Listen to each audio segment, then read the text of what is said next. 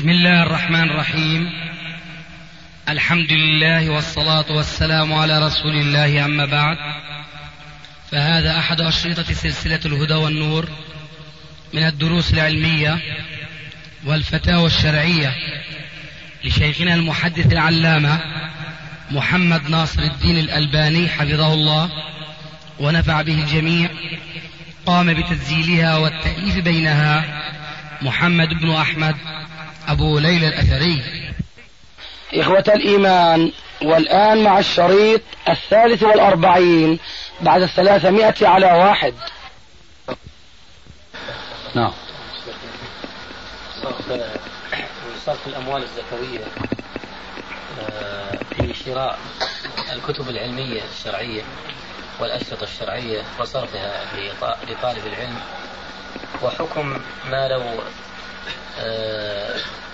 احتاج هذا طالب العلم وباع شيء من الكتب العلمية أو الأشرطة واستفاد من ثمنها في في معيشته من مأكل أو مشرب. نعم. أه سؤالك كما يبدو ذو شقين. أفصل بينهما. ما هو الشق الأول من السؤال؟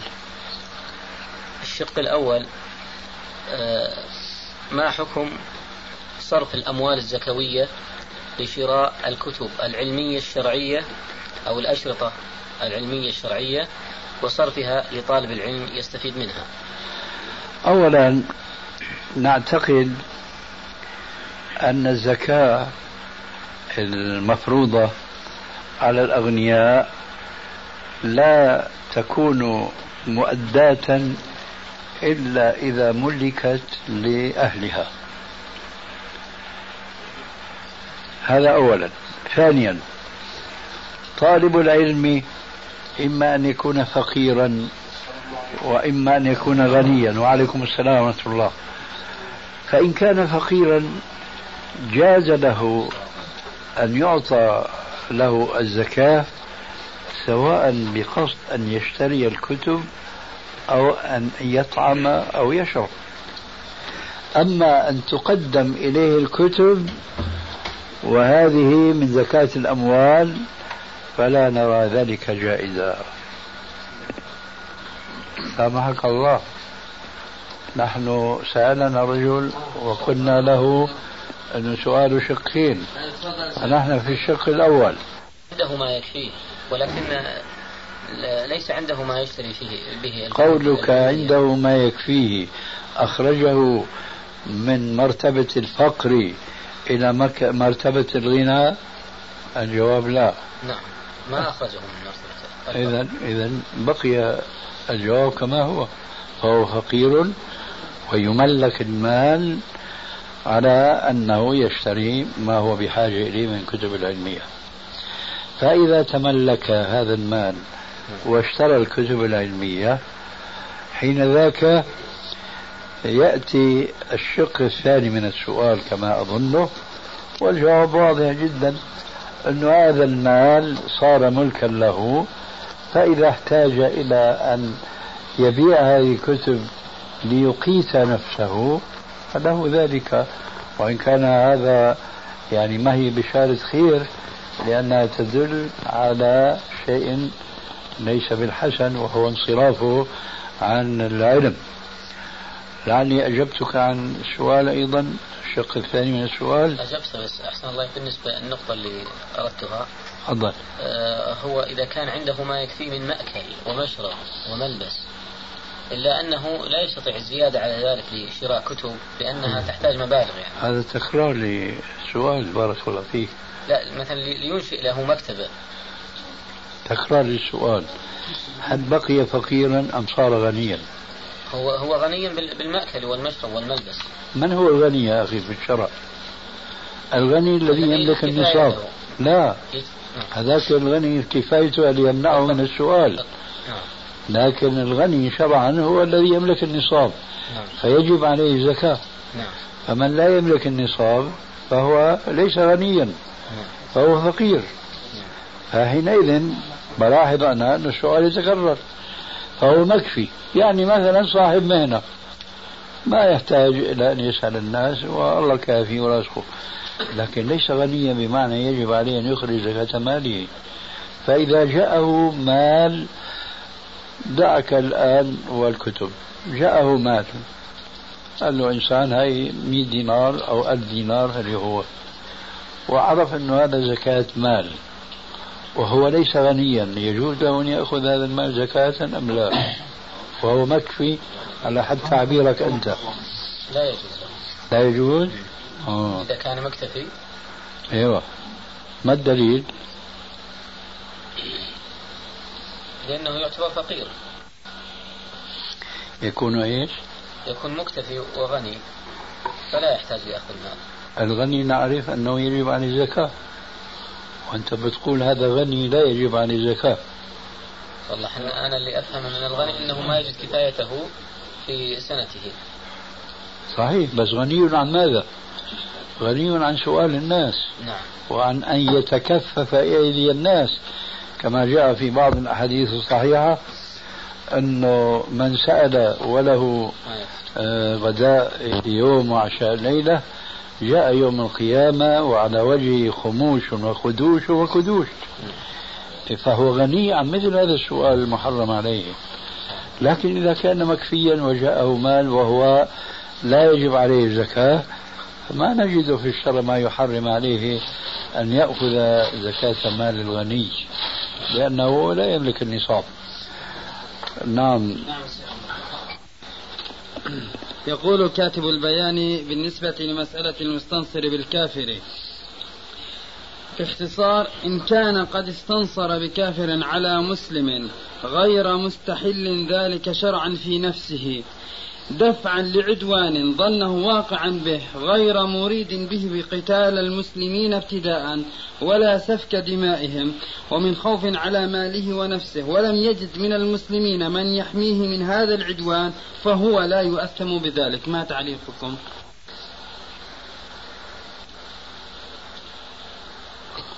هون فات هواء كأنه كان مسكرنا لأنه جاء الهواء إلى ساقية حولوه عني. ما أحب الهوى. نعوذ بالله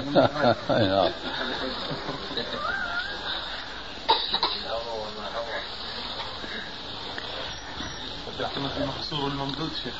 آه؟ الهواء الممدود الهواء الهواء ما نقول الهواء. ولا غنى للحي عن الهواء ولكن يجب عليه أن يستغني عن كل هوى. أي نعم. وبخاصة في هذا الزمان حيث أنه صار الهوى هوى متبعا. الجواب يا أخي قضية التأثيم شيء والاجتهاد يعني مربوط بالاسم آه، سلبا أو إيجابا. بمعنى معروف الشرع قوله عليه السلام. إذا حكم الحاكم فاجتهد فأصاب فله أجران وإن أخطأ فله أجر واحد. فالذي اجتهد فأخطأ ضرورة لا يأثم. هذا الكلام الذي آه، قلته آنفا. أولا هو كلام من يعني؟ من هو القائل؟ القائل مجهول. مجهول. طيب. آه هذا الكلام الذي نقلته آنفا إما أن يكون هذا الموصوف بما فعل من الاستعانة بالكافر آه هو مجتهد فهو لا يأثم. كأي حكم شرعي. وإن كان غير مجتهد فهو آثم. وفي العبارة آه، ثغرات آه، تحمل في طواياها عدم الدقة في التعبير. مثلا مما استوعبته مما سمعته منك آنفا قوله ولم يستحل ذلك. هذا ما يفيد. ولم يستحل ذلك هذا ما يفيد إلا إذا كان المقصود أنه يكفر أو لا يكفر. يعني مثلا قلنا آنفا بالنسبة لتارك الصلاة. فهذا التارك للصلاة آثم قولا واحدا لأنه ما في مجال للاجتهاد. فنقول إن كان يترك الصلاة مؤمنا فهو فاسق. وإن كان يترك الصلاة منكرا فهو كافر أي غير مستحل لترك الصلاة. فهذا الذي استجلب الكفار إلى بلاد الإسلام. إما أن يكون مجتهدا فيأتي الجواب السابق وهو أنه غير آثم لكن ما معنى قيد وهو غير مستحل هبه استحل. هو شيخنا لأنه مناقش من قبل أسمع. أسمع. هبه استحل. لكن هو استحل باجتهاد ما الفرق؟ لا فرق فهمت؟ ها؟ نعم آه الآن بنشوف ملاحظة الأخ علي انه شيخنا هو مسترسل في البحث الأخ اختصر لك اختصار ولا هو من قبل قال إذا استحل ولا ما استحل؟ أنا ما أدري أنا أتكلم عن هذه نعم، صحيح. هذه الفقرة. الكلام صحيح. طيب. ما في شيء الآن أعيد الكلام. نفسه. من أول إذا- لا لا نفس الفقرة اللي تكلمت عنها. أنا كنت بدي أقرأ فقرة أكبر من هيك لكن آه، لحظة وإن كان قد استنصر بكافر على مسلم غير مستحل ذلك شرعا في نفسه على نحو ما سبق بيانه في الحالة الأولى فإن كان استنصاره هذا دفعا لعدوان ظنه واقعا به غير مريد به قتال المسلمين ابتداء ولا سفك دمائهم ومن خوف على ماله ونفسه ولم يجد من المسلمين من يحميه من هذا العدوان فهو لا يؤثم بذلك سواء كان قتال أم لم يكن. هذا هو نفس العبارة اللي قرأتها وهذا هو التعليق. يعني أنت فكرك ما قبله بغير الموضوع؟ لا بس على ذكر إنه يعني كلمة الاستحلال إيش دورها؟ لأنه مشان يتحفظ عما سبق. هذا دور في بعد وفي قبل أظن في علاقة حميمة جدا بهذا الموضوع. آه، هات نشوف ومن المسائل التي تمت لهذا الموضوع بصلة مسألة المستنصر بالكافر على المسلمين فإنه ينظر فيه. فإن كان قد استحل فعله هذا في نفسه استحلالا شرعيا وأجازه لسفك دماء المسلمين وإذلالهم وسلب أموالهم فهو بهذا كافر لأنه مستحل أمرا محرما وإن كان قد استنصر بكافر على مسلم غير مستحل ذلك شرعا في نفسه. على نحو ما سبق بيانه في الحالة الأولى فإن كان استنصاره هذا دفعا لعدوان ظنه واقعا به غير مريد به قتال المسلمين ابتداء ولا سفك دمائهم ومن خوف على ماله ونفسه ولم يجد من المسلمين من يحميه من هذا العدوان فهو لا يؤثم بذلك. سواء أكان قتال أم لم يكن أما إن كان استنصاره بالكافر على غير الحالتين السابقتين أي غير مستحل, مستحل له ولم يكن لدفع عدوان مظنون فهو بذلك مرتكب كبيرة من الكبائر تجب به عليه التوبة النصوح ولا تتحقق التوبة النصوح إلا بشروطها. ثم يسرد هنا من باب أحكام الإكراه. الشيء نعم ثم يسترسل ويقول من باب أحكام الإكراه وكأنه يريد أن يفسر كل هذا بباب أحكام الإكراه يعني يذكر الإكراه يقع الفرد على كل حال. المجتمع. ما أدري أخذت الجواب عن سؤالك آه نعم أخذت. طيب غيره تفضل الذهب. آه هل الغلو يعني شرط الذهب محلق انه يكون مغلق تماما لا مو شرط أن-. الشرط أن يكونوا سوارا يثبت في المعصم يعني إذا كان مثلا هاي ذهب وفي قطعه فضه تفصل. هل بقي محلقا يعني؟ العبرة بالغالب يعني لو كان سوار فاضي هون شايف بدل الفص من الفضة كما قلت. ما في قطعة هيك لكن هو سوار. لكن السوار ما هو حلقة كاملة ناقصة. نعم. سنتي سنتيين المهم سوار يحيط بالمعصم فهو سوار. فلا يجوز. وحينئذ لا فرق بين السوار الذي لا يكمل حلقة تامة وبين سوار يكمل حلقة تامة لكن المكمل هو مباح كالفضة مثلا فالنتيجة واحدة. والعكس بالعكس بمعنى إذا كان السوار الغالب عليه فضة والموصل هو ذهب فيجوز لأنه ليس سوار من ذهب. شيخ هل تجوز الصلاة؟ كيف؟ هل, هل تجوز الصلاة خلف إمام آه، يستغيث بالرسول كوسيلة؟ عليه الصلاة والسلام. عليه الصلاة والسلام. وهل يجوز كذلك الأمر أنه بيستبيح لنفسه أنه آه، يميل إلى الحكم اللي بقول فيه أنه عيسى عليه السلام لم يرفع جسديا إلى السماء بل رفع مقدارا وكذلك الأمر يستبيح لنفسه بالقول أنه يقرأ عن اللوح المحفوظ في المنام رؤية. هل تجيز الصلاة خلفه؟ تجوز الصلاة خلفه ما دمت أو ما دمنا نحكم بإسلامه. فإذا أخرجناه من دائرة الإسلام فحينئذ لا تجوز الصلاة.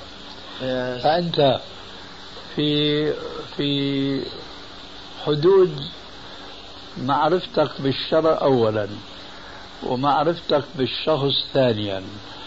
هو لا يزال في دائرة الإسلام ولا ارتد عن الإسلام؟ لا زال دائرة الإسلام حتى استخطى نفسه ورجع وقال لي لا تخبر آه، شيوخك باللي أنا قلت له لك آه، يعني زي ما تحكي استضع آه، يعني خضع في القول عاود من جديد. كان كان اول شيء موقف حازم بعدين رجع بحكي لي لا تخبر شيوخك في اللي حصل. حتى لا يكفروني أو يفهموني خطأ. أنا برا برائي رؤيا في المنام. شيء حصل معي معليش هذه جزء مما ذكرت نعم. انت قلت بالنسبة غير الله أنا بحكي الرؤيا في المنام. أما هو يميل إلى انه عيسى عليه السلام لم يرفع جسديا إلى السماء بل رفع مقدارا. إني رافعك نعم. المهم يا أخي خذ القاعدة واسترح نعم. كل إنسان اصله مسلم. ثم ارتكب مخالفة شرعية. هذه مخالفة تخرجه من دائرة الإسلام والمسلمين فلا تصح الصلاة خلفه. ولكن يجب أن نعلم أنه ليس كل مسلم وقع في الكفر وقع الكفر عليه. عرفت كيف؟ ليس كل ما وقع في الكفر وقع الكفر عليه وتلبسه الكفر وأحاط به بحيث أنه خرج من دائرة الإسلام.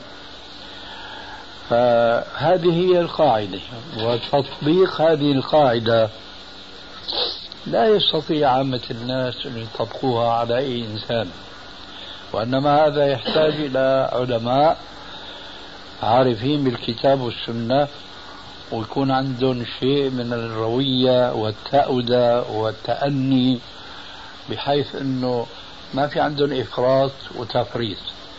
ما عندهم أنه كل المسلمين كما يقولون على خير ولا أنه من قال كذا فقد كفر وارتد عن الدين بدون ما يعرف أحواله هل هو معذور هل هو جاهل هل هو عالم إلى آخره. ولذلك فأنا بقول لعامة المسلمين من أمثالك أنه هذا اللي عم تسأل عنه في حدود معرفتك أنت مسلم ولا كافر؟ لا والله مسلم إذا الصلاة جائزة. لا والله هذا ليس مسلما عندي بقول لك حينئذ أنت احتياطا لا تصلي وراه لكن معناها من جهة أخرى لازم تحتاط ما تبادر إلى تكفيره. بجوز تكون أنت مخطئ في تكفيره لأنك لست من أهل العلم. عرفت كيف؟ فإذا غلب على ظنك أن هذا كفر لا تصلي وراه وصلي على إمام لا تشك في إسلامه وإيمانه. لكن لا تقطع بكفره ما دمت لست من أهل العلم. واضح؟ نعم. نعم. أعمل. أنت الليلة فيش خلقك منيح أعمل. إذا هبت ريحك فاغتنمها نعم. آه. أعمل عند شخص في بيع آه، ملابس وأقمشة. ويضيع بعض الأحيان يضيع بعض الأغراض. خلوها خلوها مسؤولة يا جماعة.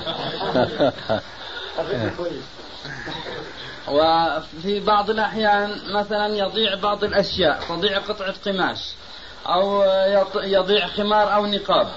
فيأتي صاحب هذا المحل ويقول أنت المسؤول. ويقول أنت المسؤول ومثلا يريد أن يدفعني ثمن هذا الشيء اللي ضاع. علما أنه هو أحيانا يبيع معي وأنا أبيع وأحيانا قد يدخل هذا المحل أكثر من واحد بإذنه وعن رضاه فهل يجوز له أن يدفعني هذا الشيء؟ في حدود ما تقول ما بيجوز. في حدود ما تقول. لكن ما بيجوز الحكم بين اثنين شرعا حتى نسمع منهما كليهما هذا هو. آه دافع عن نفسك يا أبو ليلى.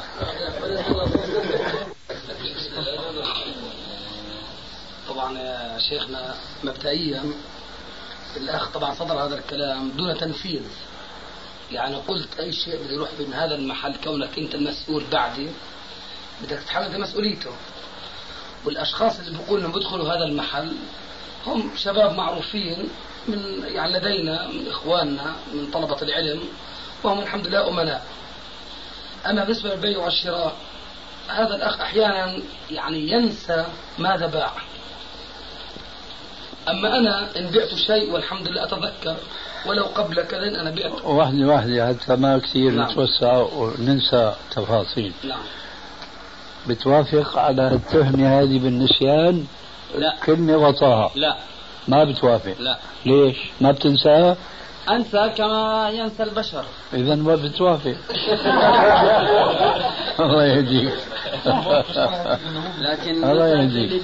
لا هي كمان اجت لكن لكن هي جملة استدراكية يا أخي على إيش؟ مم. إذا أنت موافق أنك تنسى. بنسى نعم. مش مطلقا.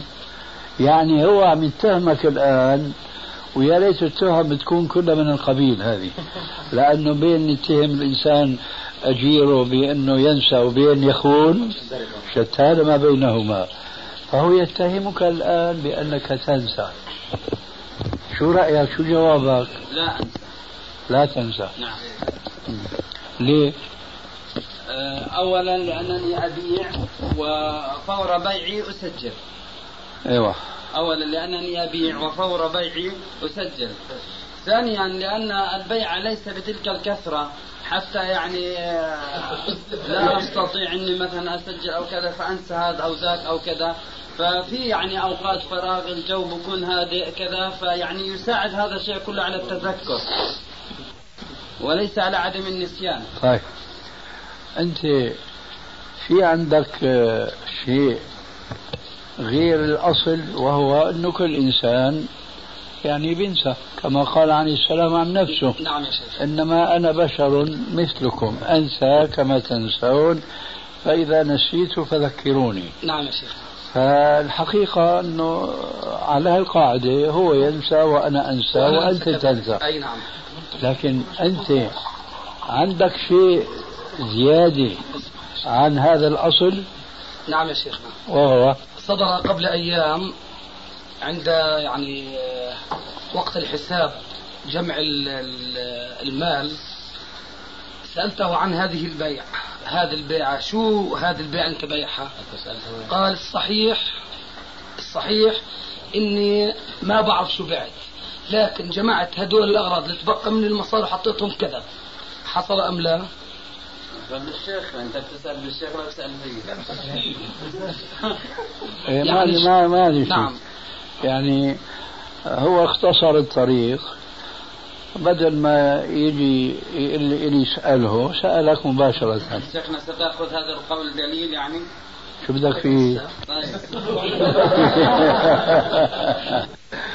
انت بقى هلا بدات ها تعرف تعرف اللغة الشامية بدأت تخاوز بتقولوا أنتم تخاوز ما بتقولوا هيك بتقولوا؟ آه. انت لما بدأت تقول يعني بتتخذوا دليل معناها بدأت تتخذ الحيطة. آه الشيخ هلا شو بده يساوي. انت جاوب عن السؤال هذا. وقع هذا ولا لا؟ مرة نعم. مرة. هذا داخل في النسيان المنفي آنفا ولا لا؟ نعم. طيب. جميل ما الله فأنت تدان الآن. هل بيقع مرة ما بيجوز يقع كرة نعم. وبيجوز يقع كرات؟ نعم. فإذا قولك لا أنسى أصبح نسي منسيا. لأنك اعترفت بأنه وقع منك نسيان وهذا بخل بالقيام بعملك بصورة كاملة. طيب غيره. وقع مرة طبعا اللي ذكرت الآن وسجل ما يعني ما تبقى معه يعني دليل على إنه يجمع البيعات كلها بقي شيء قال إنه هذول ثمن خمار لأنه اللي بقي معاه بيطلع ثمن خمار ووقع مرة ثانية فما عرف الشيء وما كان مسجل شيء صحيح؟ صحيح ما استوعبتش اللي حكى طيب أنا شو رأيك؟ شو رأيك؟ حنختصر القضية لأننا لسنا في مجلس قضاء وإنما إن كان هناك مجلس فهو مجلس إفتاء. أي نعم آه. فأنا بشوف أنك أنت يجب أن تهتم بالقيام بوظيفتك بتمامها وكمالها. وأنت ما بيجوز أنك تدينه على الظن. لأنه جوابك السابق أنه آه، كرد عليه هو. هو قال وأنت اعترفت أيضا بالمقابل أنه بيدخل علينا ناس كثيرين. كان جوابك أنه اللي بيدخلوا؟ هن من إخواننا والأصل فيهم الثقة والأمانة وإلى آخره. فنستبعد أن يكون يقع منهم اختلاس يلصق بالأجير الذي عندك. أنت هكذا دعواك يعني. إيه، إيه، حينئذ أنا بقول ما ينبغي لك أن تدين الأجير إلا بدليل قاطع مش بالشبهة. ما دام في مجال للشبهة أي أن ترتفع التهمة عنه بسبب نسيانه إلى غيره ممن يدخل إلى المكان فحينئذ ما بيجوز أنك تكلفه أنه لا أنت لازم تحط قيمة الضائع هذا إلا بدليل يعني ما يبقى فيه أخذ رد هذا بيكون حل القضية هات نشوف شو عندك؟ شو مخبينا؟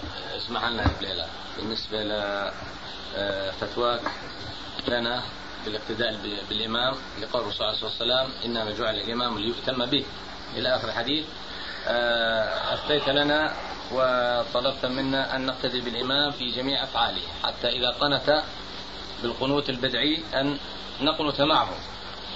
فهل قياسا على ذلك إذا صلى بنا إمام متعصب لمذهب مالكي ويرخي يديه؟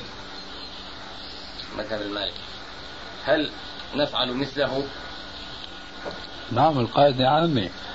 ليس لها تخصيص إلا في حدود الضوابط التي نذكرها وهي إذا كان هذا الإمام يطبق ما يدين الله به فنتابعه خالف السنة أو وافق السنة. أما إذا كان إماما يخالف المذهب الذي هو موافق للسنة وهو يترك السنة مسايرة للناس مثال مثلا إمام شافعي المذهب بيجهر بالبسملة. ما بيرفع عند ركوع رفع منه. ما بيتورك في الصلاة. هذا نخالفه. لأنه لا يفعل ذلك عن تدين وعن عقيدة وإنما إما عن كسل وإهمال وإما عن مسايرته للناس. آه، بخلاف مثلا لو اقتدينا بحنفي ما بيرفع يديه لأنه يرى أن رفع اليدين مكروه ومكروه تحريما ما بنرفع أخيرا بنوصل لمثالك مالكي بيسدل يديه. إن كان يفعل ذلك عن قناعة شخصية فكذلك القاعدة ماشي لكن في ناس أولا يتبعون مذهبهم الذي اقتنعوا به. معذورين غير معذورين هذا حسابهم عند الله. آه، ثانيا قد يكون له رأي وله اجتهاد. يعني مثلا أنا إذا صليت وراء إمام أعتقد أنه مجتهد ويضع يديه بعد الركوع أنا بفعل مثله. مع أنه أنا لما بصلي لنفسي أو إماما ما أفعل ذلك. لكن لما عامة الناس ليس لهم مذهب ما أفعل مثل فعلهم لأنه ليس لهم إيش؟ رأي. فإذا القاعدة ضبط ممكن حصر بما يأتي. أولا يفعل ذلك عن عقيدة عن يعني تذيل. هيك مذهبه. لكن في ناس أولا يتبعون مذهبهم الذي اقتنعوا به. معذورين غير معذورين هذا حسابه عند الله. آه ثانيا قد يكون له رأي وله اجتهاد. يعني مثلا أنا إذا صليت وراء إمام أعتقد أنه مجتهد ويضع يديه بعد الركوع أنا بفعل مثله. مع أنه أنا لما بصلي لنفسي أو إماما ما أفعل ذلك. لكن لما عامة الناس ليس لهم مذهب ما أفعل مثل فعلهم لأنه ليس لهم إيش؟ رأي. فإذا القاعدة ضبط ممكن حصر بما يأتي. أولا يفعل ذلك عن عقيدة عن يعني تذيل. هيك مذهبه وهذا الذي يراه ولا نستطيع نحن نكلف الناس كلهم يصيروا مجتهدين أو يصيروا أتباع للسنة. لأنه مو كل الناس يتاح لهم الجو. هذه بفهمهم إيش؟ السنة. شيء ثاني أخير وهو أنه هذا الذي يسدل يديه مثلا لم يسمع يوما ما الأحاديث ولم تقم عليه الحجة. هذا نقتدي به. أما إذا أقيمت عليه الحجة ببيان السنة وغلب على ظن أنه رجل آه، تعصب على السنة لمذهبه فأيضا لا نقتدي به. واضح؟ واضح. هاي جزاك الله كمان سؤال شيخ؟ الجواب قد يكون بسيط إن شاء الله. نعم نعم. آه، هل يجوز في قنوت النوازل أن يقنت الإمام في قنوت الوتر والله ما في هديت لا لا. لا يجوز. لا. جزاك الله خير. شيء شيء شيخ بالنسبة للأذان والإقامة. إيه هذا حكيت معك اليوم ما هيك الحقيقة هذا موضوع آه، طلع معي موضوع بحب هلا أبو ليلى يسجله. بحب أبو ليلى يسجله. لأنه هو بحب التسجيل اللي ما في أخذ وعطاء ما في صياح وضحك خاصة مثل بعض أخواننا هو بيعرفوا أوكي. فهلا راح راح أملي عليه بحث بسره. عندي هنا حديث في سلسلة الأحاديث الضعيفة والموضوعة وأثرها السيء في الأمة برقم واحد وعشرين ومائة وستة آلاف. آه، نصه أذن صلى الله عليه وآله وسلم في أذن الحسن بن علي يوم ولد فأذن في أذنه اليمنى وأقام في أذنه اليسرى.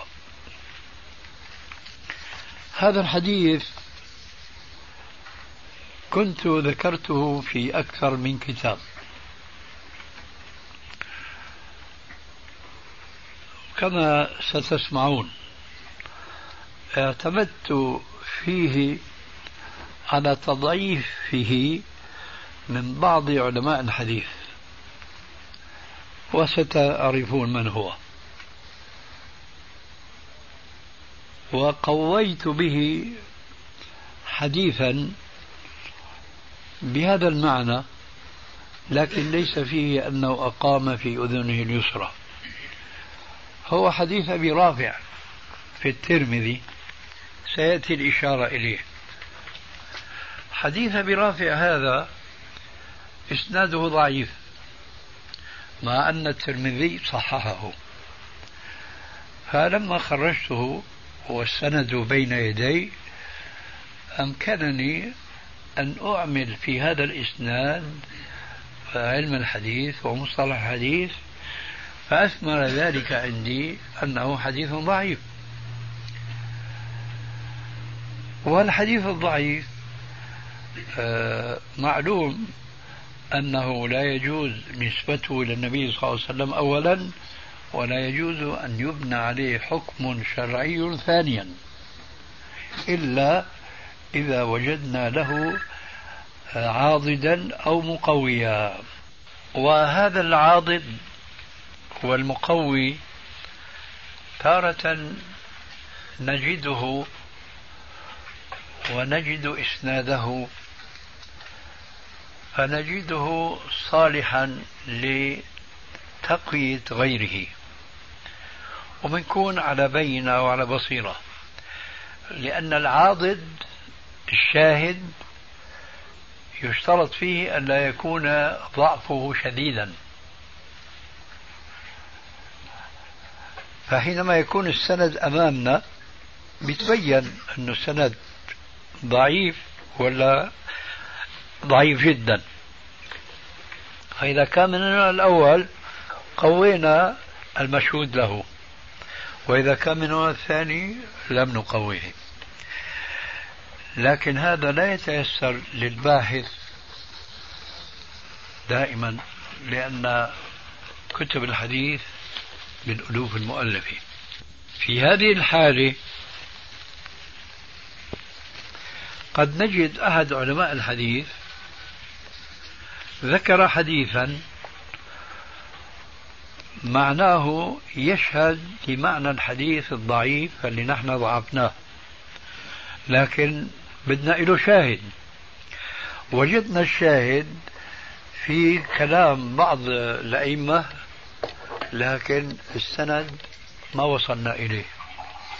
لكن هذا الإمام بيقول إسناد هذا الحديث ضعيف. هو بيقول إسناد ضعيف. نحن والحالة هذه لا يسعنا إلا على أن نعتمد عليه لأنه إمام وحافظ. فنقوي الحديث الأول هل عرفنا ضعفه من إسناده؟ بالحديث الثاني الذي لم نعرف ضعفه من إسناده لأننا لم نقف على إسناده لكن عرفنا ضعفه من شهادة أحد علماء الحديث بأنه إسناده ضعيف. حديث أبي رافع هل هو مثل هذا الحديث الذي أسمعتكم إياه آنفا؟ لكن ليس فيه الإقامة في الأذن اليسرى. فقوينا حديث أبي رافع بالشطر الأول من حديث هذا وتركنا الإقامة في الأذن اليسرى لأنه ما وجدنا لها شاهدا. كان اعتمادي في تقوية حديث أبي رافع من نقل القيم الجوزية في تحفة العرو... إيش؟ المولود أو الودود في أحكام المولود. نقل عن البيهقي الذي سيأتي كلامه الآن أنه قال حديث إسناده فيه ضعف. فأنا اعتمدت على هذا وقويت حديث أبي رافع. الآن طبع شعب الإيمان للبيهقي وقفنا على الإسناد وإذا الإسناد ضعيف جدا. لا يصح أن نقوي به حديث أبي رافع.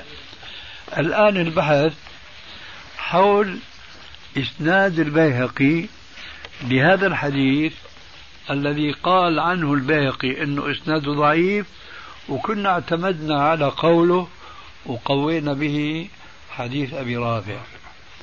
اسمعوا الآن ما وصل إليه البحث العلمي بعد الوقوف على إسناد هذا الحديث الذي كنا اعتبرناه شاهدا لحديث أبي رافع والآن وصل البحث إلى أنه لا يجوز الاستشهاد به لشدة ضعفه. قلت تحت هذا الحديث موضوع.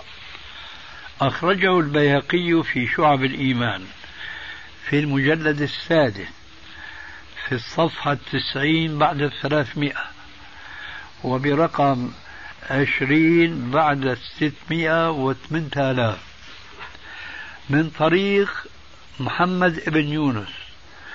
قال حدثنا الحسن بن عمرو بن السيف السدوسي. حدثنا القاسم بن مطيب. عن منصور بن صفية. عن أبي معبد. عن ابن عباس أن النبي صلى الله عليه وسلم أذن في أذن الحسن إلى آخر الحديث. وقال أي البيهقي وقد ذكر قبله حديث أم الصبيان المتقدم في المجلد الأول برقم 21 و300 من رواية الحسن بن علي رضي الله عنه. شو قال البيهقي في هذا الحديث؟ وفي ذاك الحديث في هذين الإسنادين ضعف وضعف أخف من كلمة ضعيف. أسهل لا مو أشد. ألطف. ألطف. قلت وفي هذا القول تساهل كبير. ما كنت أود له أي للبيهقي أن يصدر منه لشدة ضعف الإسنادين. فإن الحديث المشار إليه حديث أم الصبيان فيه رجلان يضعان الحديث. مع ذلك هو شو قال في إسناد ضعف؟ مع أنه فيه رجلان يضعان الحديث. والضعين. ها؟ والضعين.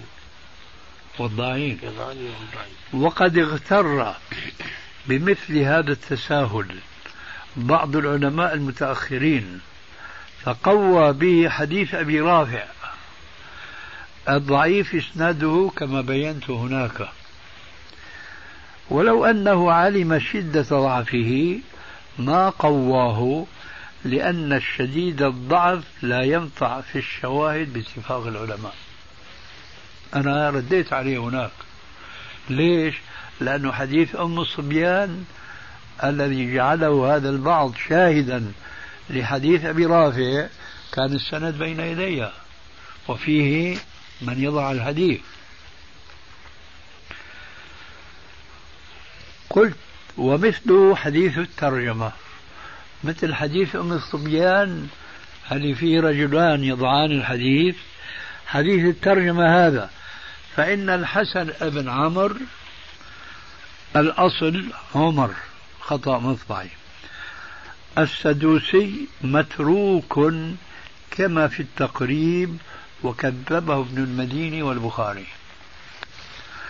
ومحمد بن يونس الراوي عن الحسن بن عمرو هو الكديمي وهو كذاب وضاع وتقدمت له أحاديث فراجع فهارس الرواة المترجم لهم في المجلدات الخمسة المطبوعة.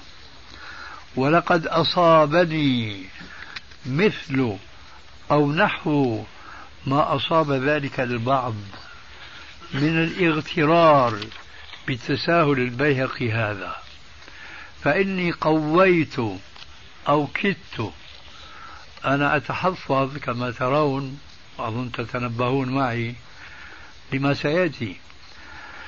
فإني قويت أو كدت أن أقوي حديث أبي رافع المشار إليه بحديث الترجمة هذا. فإني ذكرته كشاهد. ما قلت ذكرته شاهدا للتنبيه اللي بقول أنا مستنكر على من يقول أنا كمسلم. يعني ما لك مسلم؟ آه. هنا كشاهد يعني مو شاهد. فإني ذكرته كشاهد له وقد نقلت عقبه عن ابن القيم قول البيهقي المذكور في تضعيف الإسنادين. وقلت عقبه ما نصه. قلت فلعل لعل قلت. ما قلت هذا شاهد هذا تحفظ جميل. قلت فلعل إسناد هذا خير من إسناد حديث الحسن بحيث حديث الحسن حديث أم الصبيان بحيث أنه يصلح شاهدا لحديث رافع والله أعلم. هذا في سلسلة الأحاديث الضعيفة. في المجلد الأول. ومع أنني تحفظت في الاستشهاد به فقد غلب علي الثقة بقول الباهقي المذكور فحسنت حديث أبي رافع به في الإرواء مجلد كذا صفحة كذا. والآن وقد طبع والحمد لله كتاب البيهقي الشعب ووقفت فيه على إسناده. وتبين لي شدة ضعفه فقد رجعت عن التحسين المذكور وعاد حديث أبي رافع إلى الضعف الذي يقتضيه إسناده. وهذا مثال من عشرات الأمثلة التي تضطرني إلى القول بأن العلم لا يقبل الجمود وأن أستمر على البحث والتحقيق حتى يأتي يأتيني اليقين والحمد لله رب العالمين. جزاك الله خيرا. وإياك. في طريقة ولا شيخ بخلاصة الكلام الآن عندنا حديث الأذان في رجع إلى الضعف. في الأضاء يعني الآن لا يعمل به. لا يعمل. لا نعم. بالأذان ولا بالإقامة. بالإقامة مفروغ منه من زمان. إيه الآن نعم على الأذان في نعم يعني بقي حديث أبي رافع على ضعفه. ما فيش في الباب غير حديث أبو رافع. ما؟ حديث أبو رافع. وحديث أم الصبيان وهذا الحديث عن ابن عباس. ثلاثة في الباب. أم الصبيان وهذا كلاهما في الهوى سواء في كل منهما متروكان ضعيفان جدا. متهمان بالكذب وهكذا. ونسأل الله عز وجل أن يزيدنا علما. وأن ينبه إخواننا الشباب اللي بيتسرعوا وبيظنوا أن علم الحديث أمر سهل.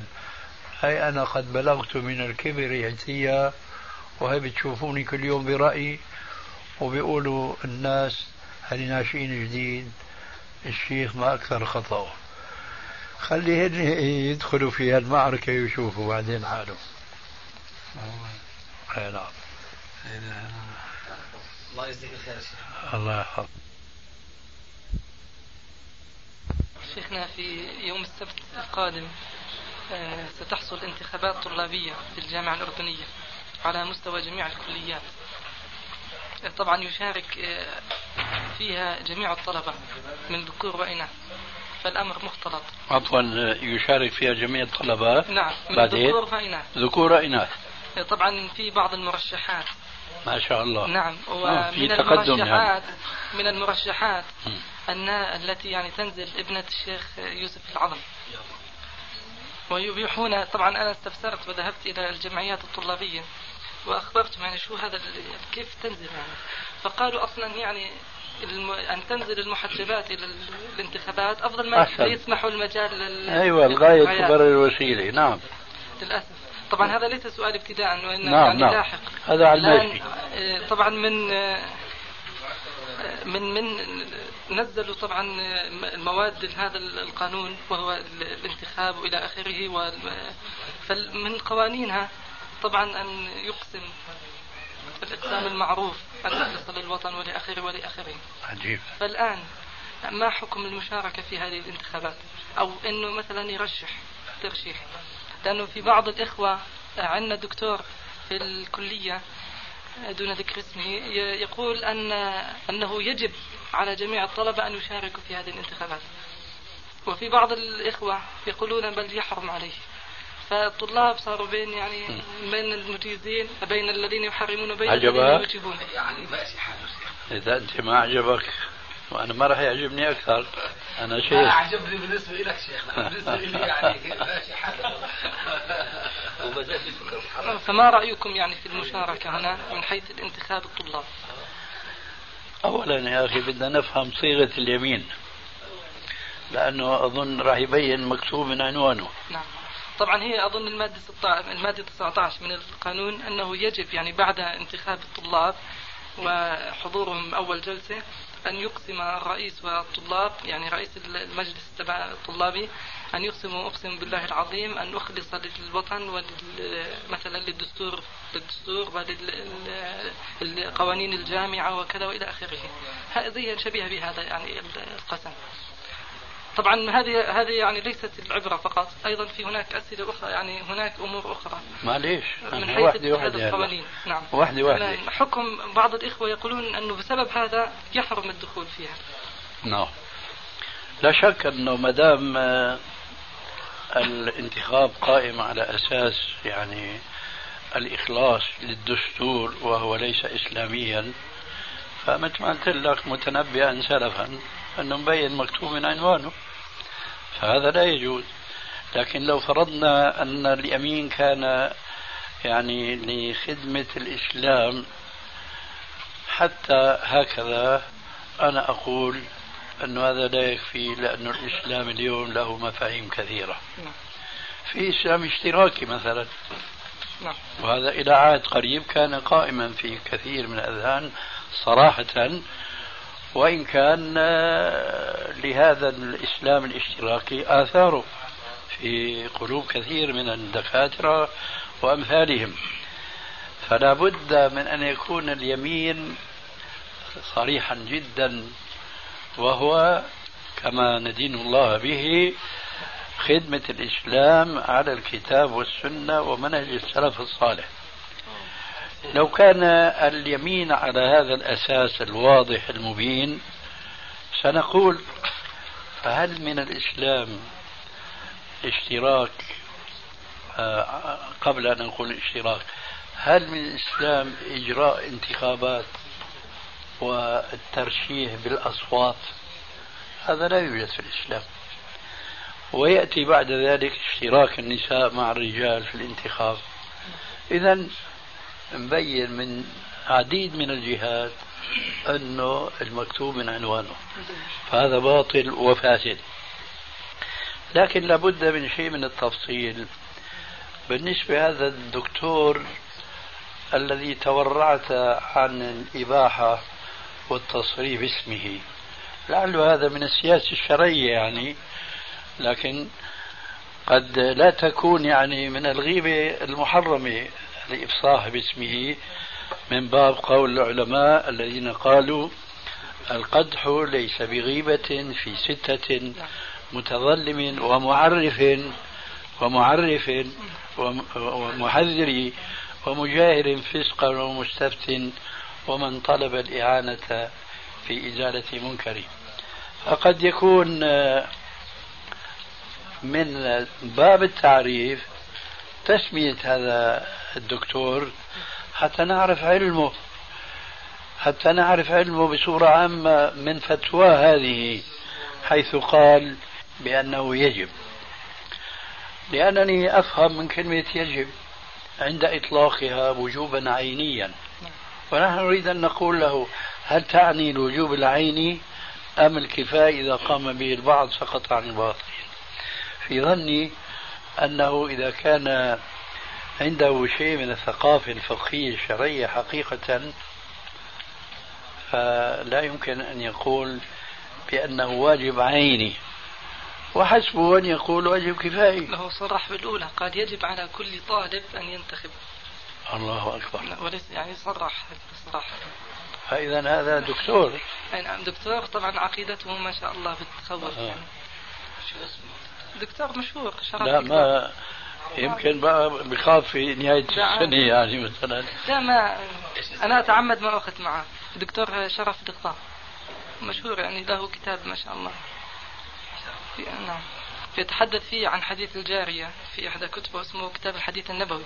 إيه؟ فيقول أنه طبعا يذكر معاني أهل السنة بمعنى أين الله إيه؟ للجارية. إيه؟ فيقول آه ذكر معاني. طبعا يقول أن يعني هناك معنيان للسلف والخلف.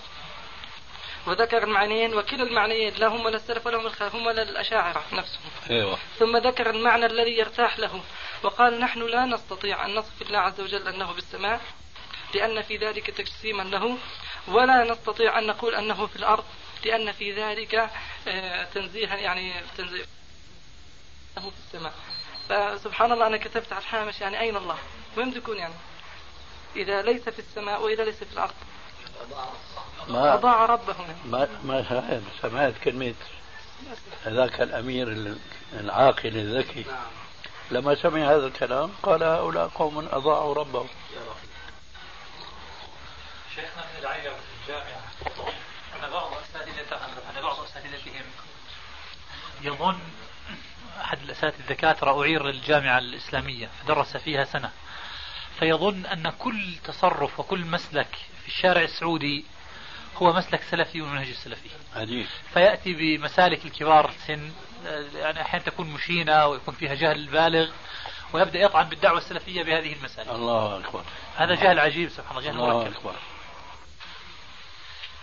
خطر في بالي وأنت تحدثنا عن ذاك الدكتور الذي زعم بأنه لا يقول بأن الله عز وجل في السماء كما أنه لا يقول أن الله عز وجل في الأرض. آه قلت عنه لا يقول بأن الله في الأرض لأنه يستلزم الحلول. لكن ما فهمنا منك عنه. لماذا لا يقول كما قال الله عز وجل آمنتم من في السماء؟ لنفس العلة أم لعلة أخرى؟ إما ما أسمعتنا إياها أو نحن ما سمعناها. هو يقول أن الآيات التي ذكرت في العلو إنما هي آيات في الصفات وليست في الذات. لا تحد هذا تفصيل. لا تحد نعم. أنا حددت لك الآية. لماذا لا يقول كما قال الله آمنتم من في السماء؟ ما هو المحذور عنده؟ عرفنا المحذور عنده نعم. من, من كونه لا يقول الله آه، في الأرض. لا يقول هذا. نعم. وهذا هو الحق بلا شك. نعم. نقلا وعقلا. لكن سؤالي لماذا لا يقول كما قال الله أأمنتم من في السماء؟ لماذا لا يقول بما قال الله؟ يعني شو وجهة نظره شو تأويله؟ نعم. هل عرفت عنه أم لا؟ أنا أريد أن أعرف الجواب لإنصاف الرجل وإلا أن الكلمة التي في نفسه في نفسه لا تتوقف على هذه المعرفة. فما هو الجواب؟ شيخنا هو ذكر في الكتاب في كتابه يعني حسب ما أذكر منذ فترة فترة قرأته. أرجوك ما تحيد. نعم، جيد. يتكلم عن الآية. عن الآية هذه. وما شابهها أنه لا تتحدث في العلو وتتحدث عن أنه في السماء. هي الآية لا تتحدث عن العلو في ظاهرها. نعم. ماذا هنا طبعاً يقول عنها؟ قال بمعنى يقول عنها؟ ها. يعني بالضبط في هذه الآية ما أعرف. سامحك الله. ما استفدنا شيء. بالأول قلت لك عن الآية. نعم. وثاني مرة قلت لك عن الآية وبعدين ما نعم تذكر ذكرت الآيات ال- ال- يا أخي أنت بدأت الحديث عن الآيات فرجعتك لموضوع السؤال. جيد. عفى الله عما سلف. شوفوا يا أخوانا هذه الآية إما أن تفسر على ظاهرها في في كما تعلمنا من علماء اللغة ظرفية. فإما أن تبقى على ظرفيتها وإما أن تخرج عن هذا المعنى فتفسر بمعنى على. فإذا فسرت بمعنى على حينئذ لا تكون السماء ظرفية لله كما أن الأرض ليست ظرفية لله. فإذا كان المشكل عند ذاك الدكتور هو أنه وقف عند ظاهر الآية في هذه ظرفية في اللغة العربية. فإذا لا فرق عنده بين من يقول الله في الأرض أو الله في السماء لأن الله أكبر من كل ذلك وهذه حقيقة. إذا كيف نفسر الآية؟ الجواب على بناء على أنها على بابها في ظرفية. نقول إذا أبقينا في ظرفية نفسر السماء بالمعنى العلو المطلق وليس بالسماء المخلوقة التي هي سبع سماوات. عرفت كيف؟ حينئذ يطيح الإشكال من أصله.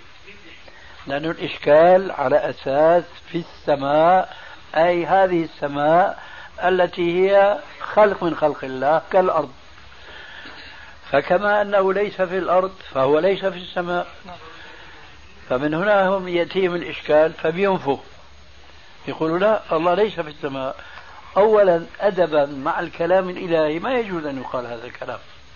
لكن الجائز بل الواجب هو فهم الآية القرآنية فهما صحيحا.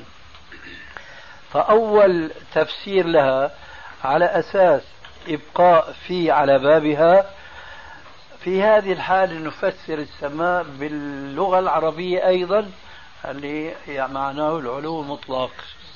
إذا إذا قلنا إن الله عز وجل في العلو المطلق معناه ليس في مخلوق. طاح الإشكال.